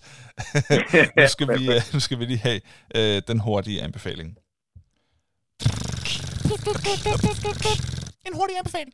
Vi har spurgt ud på Facebook, hvad folk de gerne vil anbefale den her gang, og der har været en øh, hel del bud på det. Nu opdaterer jeg lige for at være sikker på, at vi får dem alle sammen med. Vi kan starte med øh, Claus, der anbefaler sømandsfilm. Og det kan han da helt ret i. Sømandsfilm, det er, det, er- det er jo et bredt emne, men, øh, men det kan man da helt klart øh, tage og tjekke ud, hvis man synes, det er da noget tid siden, jeg har set noget med nogle sømænd. Åh, og så skulle den lige opdatere. Mm, det var irriterende timing. Sådan der. Så altså Sømandsfilm er den første anbefaling. Så har vi Morten, som øh, traditionen tro, ikke ulig julen, øh, hvad hedder det, øh, endnu en gang anbefaler Twilight. Det skal man altså til at have set, og der begynder at være flere reaktioner fra folk, der elsker, at Morten han lige er inde og få den anbefaling med. Så er der Frank, der anbefaler, hvad han øh, formulerer som det her, og så et link til, øh, til Gamer Bills 1 Hz computer inside Minecraft that can run Snake and så skal man så trykke på det for at finde ud af, hvad det er. Det er noget verdensklasse nørderi i Minecraft, bygget øh, en funktionel computer inde i spillet, der har kræfter nok til at trække Snake og Tetris. Det forstår jeg slet ikke. Altså, der, der er nogen, der har bygget en computer inde i Minecraft, hvorpå man ja. kan spille Snake og Tetris. Jamen, man skal nok vide mere om Minecraft, end jeg gør, for at forstå, hvordan det kan lade sig gøre. Men det kan man i hvert fald uh, gå ind og læse lidt om uh, på uh, noget, der hedder techblog.com. Uh, så er der Rasmus, der anbefaler Witcher sæson 2 på Netflix. Annabelle anbefaler Mikis juleeventyr fra 1983 på Disney. Var kun 26 minutter, men stadig virkelig god.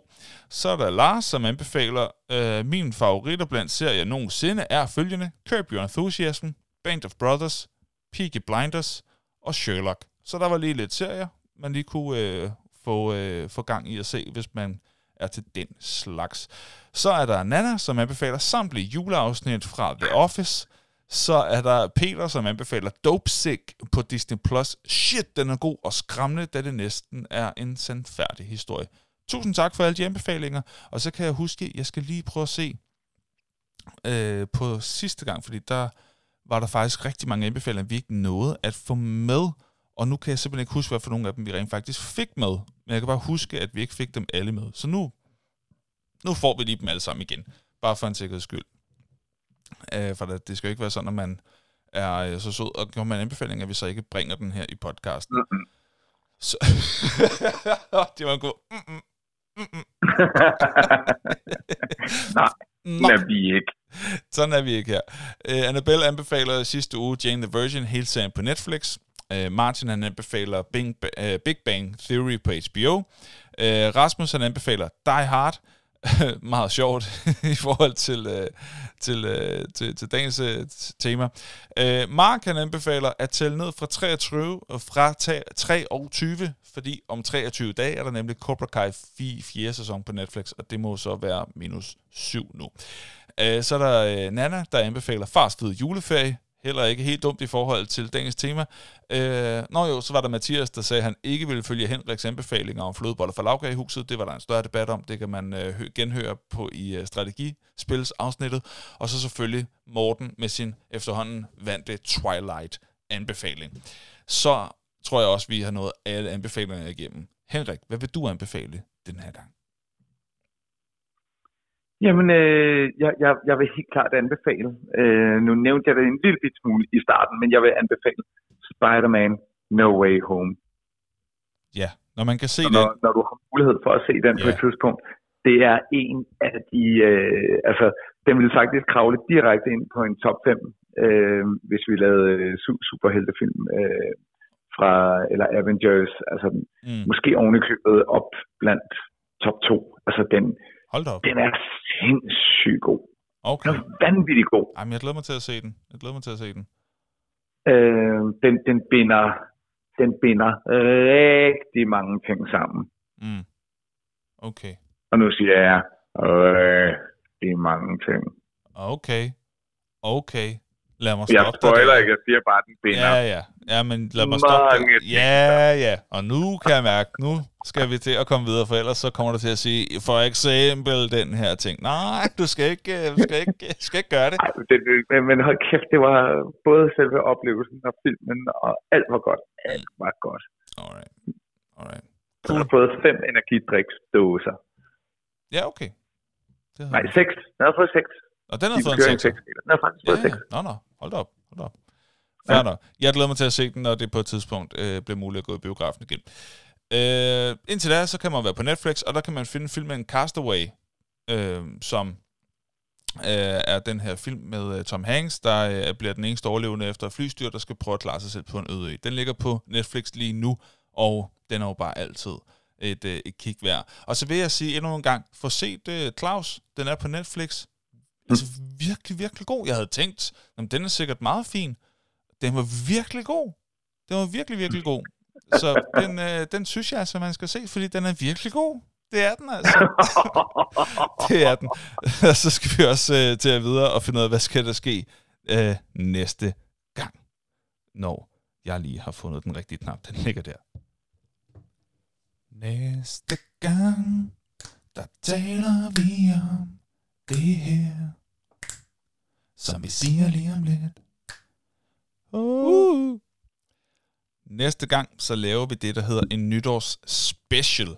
Øhm, forstået på den måde, at der er, øh, altså, som i, i, i nytårsånden, øh, som det jo kommer til at være på det tidspunkt, øh, der snakker vi om, når man, øh, om året, der er gået, og hvad der skal ske næste år, og det kan være, at vi laver øh, en eller anden form for opsamlingsopslag mm. og forslag til næste år, hvor, hvor sæson 2 af Nørden og Nuben kommer, øh, hvor der hvor vi måske øh, ryster posten lidt, der kommer med nogle nye segmenter, der kunne komme nogle forslag fra jer om, hvad kunne I godt tænke? En ting er temaer, en anden ting er, hvad kunne I godt tænke var en del af, af, af, af flere afsnit, eller måske alle afsnit, nyt segment, nye ting. Øhm, og så, så, ja, det bliver sådan måske et lidt anderledes afsnit, men øh, også med noget øh, nytårs øh, halløj. nytårs halløj. Ja, Bare lige for at gøre det meget bredt, ikke også? Jo. Ja. Har du noget at sige til, øh, til, til har du nogle idéer til, hvad vi kunne få, øh, få, få ind i næste afsnit? Ja, jeg synes, øh, det, det er jo sådan et afsnit, hvor man kigger tilbage og siger, hvad var, hvad var highs, hvad var lows? Mm. Øh, var der nogle segmenter, man øh, holdt meget af? Og så tror jeg sådan, Øh, så, så det er også her, man har mulighed for lige at lave opsummeringer. Så, så hvad var nogle af de absolut bedste oplevelser, spil, film, musik, sport i løbet af 2021? Ja. Helt klart sådan, øh, bare køre øh, masser af det, øh, hvor, hvor ligesom 2021 er, er, er i fuld fokus. Mm. Lad os gøre det. Ja, vi skal helt klart kigge tilbage på de bedste udgivelser. Det var en god idé. Øh, ja, og så tænker jeg, at vi skal, vi, ja, vi, vi skal lige snakke sammen om, hvordan vi får samlet rigtig ja. godt op på, øh, på det her år og på, øh, på første sæson af podcasten. Det bliver første sæson sidste afsnit, og det skal jo også markeres på en eller anden måde, tænker jeg. Det må vi lige have snakket sammen om hen over øh, juleferien her. Ja, så, øh, så skal vi egentlig bare have takket af for i dag, at du er manden for at lave en intro, eller for at outro. Ja, jeg laver en intro nu. Ja, jeg synes, er vi ikke ved at være varme nu? Skal vi? ja. Men jeg er klar, jeg er klar med, med uret. Pragtfuldt. Take it away. Så vil jeg ikke engang sige her på øh, så småt, at vi er ved at være nået frem til årets afslutning. Det er øh, jule øh, ting, der har handlet om i dag, eller julefilm. Det har været en fornøjelse endnu en gang i øh, selskab med Nørden og Nuben, men ikke mindst alle jer, der øh, byder ind vores sociale medier. Der har virkelig været gang i den på øh, Nørden og Nubens Facebook-side, også lidt på Instagram.